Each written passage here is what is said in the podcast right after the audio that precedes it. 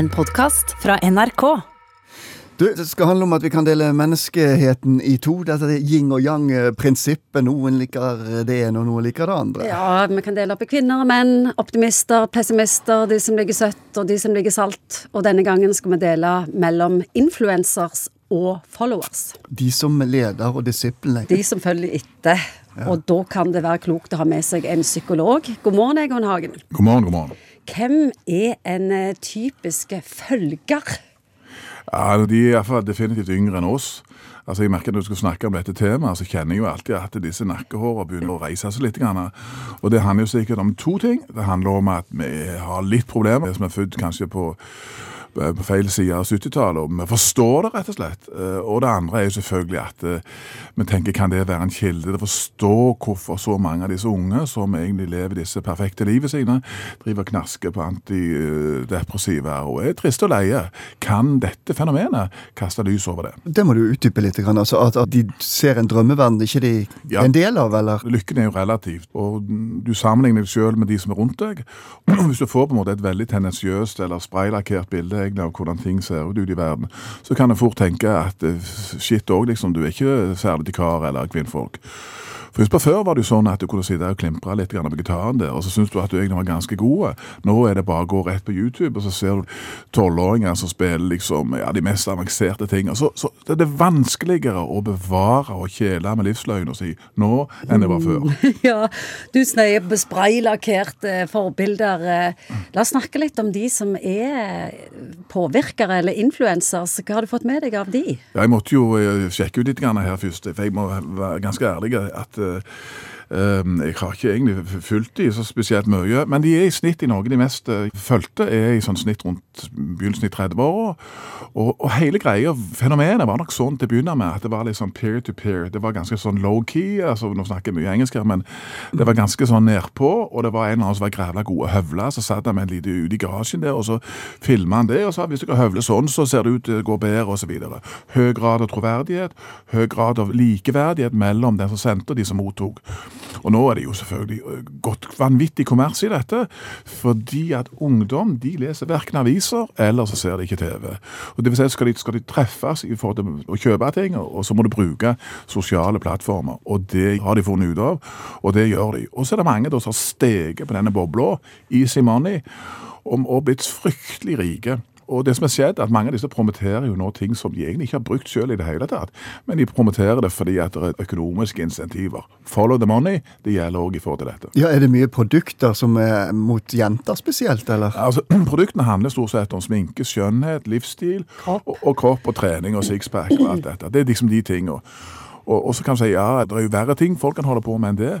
Men poenget er at du får jo en sånn eh, Det er jo dette sammenligningsgreiene, og så kan det jo bare forsterke dette materialismen, og du er noe i forhold til egen ytre skjønnhet og alt dette. Og jeg har noen forslag senere hva du skal bruke ungdomstida til, som er helt annerledes egentlig enn å bare være en sånn gnuhorde egentlig etter en hel haug med folk som er kjøpt og betalt for å lure deg til å tro at uh, hvis du gjør dette, så blir det bra. Ja, du sier lure deg. Altså, de, de sitter og, og, uttaler seg som eksperter, disse påvirkerne. Ja, det er jo litt hva kompetanse har de egentlig, vi som har drevet med og prøve å hjelpe folk. Vi har jo liksom har prøvd å sette oss inn i ting og tenke hvordan skal, du, hvordan skal folk finne fram til sin egen vei. Men her, det, det bypasser de. De gjør de sine egne subjektive erfaringer om til en objektiv sannhet. Og det er vel noe med denne generelle subjektiviteten. Altså Det jeg føler, det jeg gjør, det er liksom allmenngyldig og interessant for alle andre. Og det er kanskje ei svøpe som ligger over hele, hele samtida vår at det subjektive blir gjort om til en objektiv sannhet. Jeg leste nettopp at de ser mange ungdommer fyller opp treningssentrene, men ingen vet hva de holder på med, for de har sett på en eller annen influenser. Så, sånn får du sixpack på ti dager. Ja, alle de tingene der. sant? Og, og, sånn er det ikke. Det å få sixpack på ti dager, det, det er vanskelig. Jeg syns at uh, ungdommer i større grad skal bruke tida si på å finne ut sin egen art. Begynne å sammenligne seg med seg sjøl. Prøve å bli litt bedre i dag enn du var i går.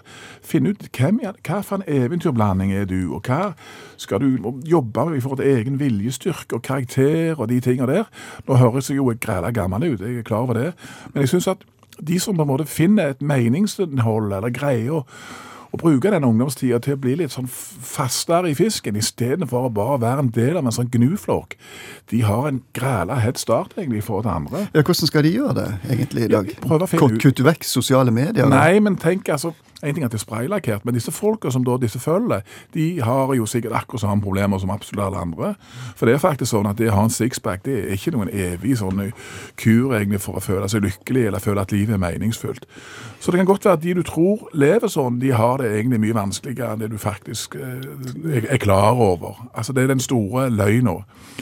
Fokuser på deg sjøl. Sett deg noen egne mål. egentlig. Hva vil du? Hva er viktig for deg? Hvordan skal du bli den du kan bli? Og også, ikke minst det å finne deg et meningsinnhold som er noe annet enn å bare springe etter materielle ting. Er Dette skaper tapere, sier du. Altså, merker du det i din bransje, Ja, det er- psykolog? At det er flere oppsøkere som Jøsses. føler seg mislykka, rett og slett? Det er, mange, det er mye forskning som viser faktisk at det å være overdrevent opptatt av sosiale medier, det er en ganske sweet inngang til lav selvfølelse, depresjon og føle deg ganske elendig. Oppskriften, rett og Ja, slett. oppskrift, ja. Så, så vi må på en måte klart, når jeg, når jeg snakker om disse tingene, så er det sånn at vi gjorde jo òg mange rare ting når vi var liksom under 20 år.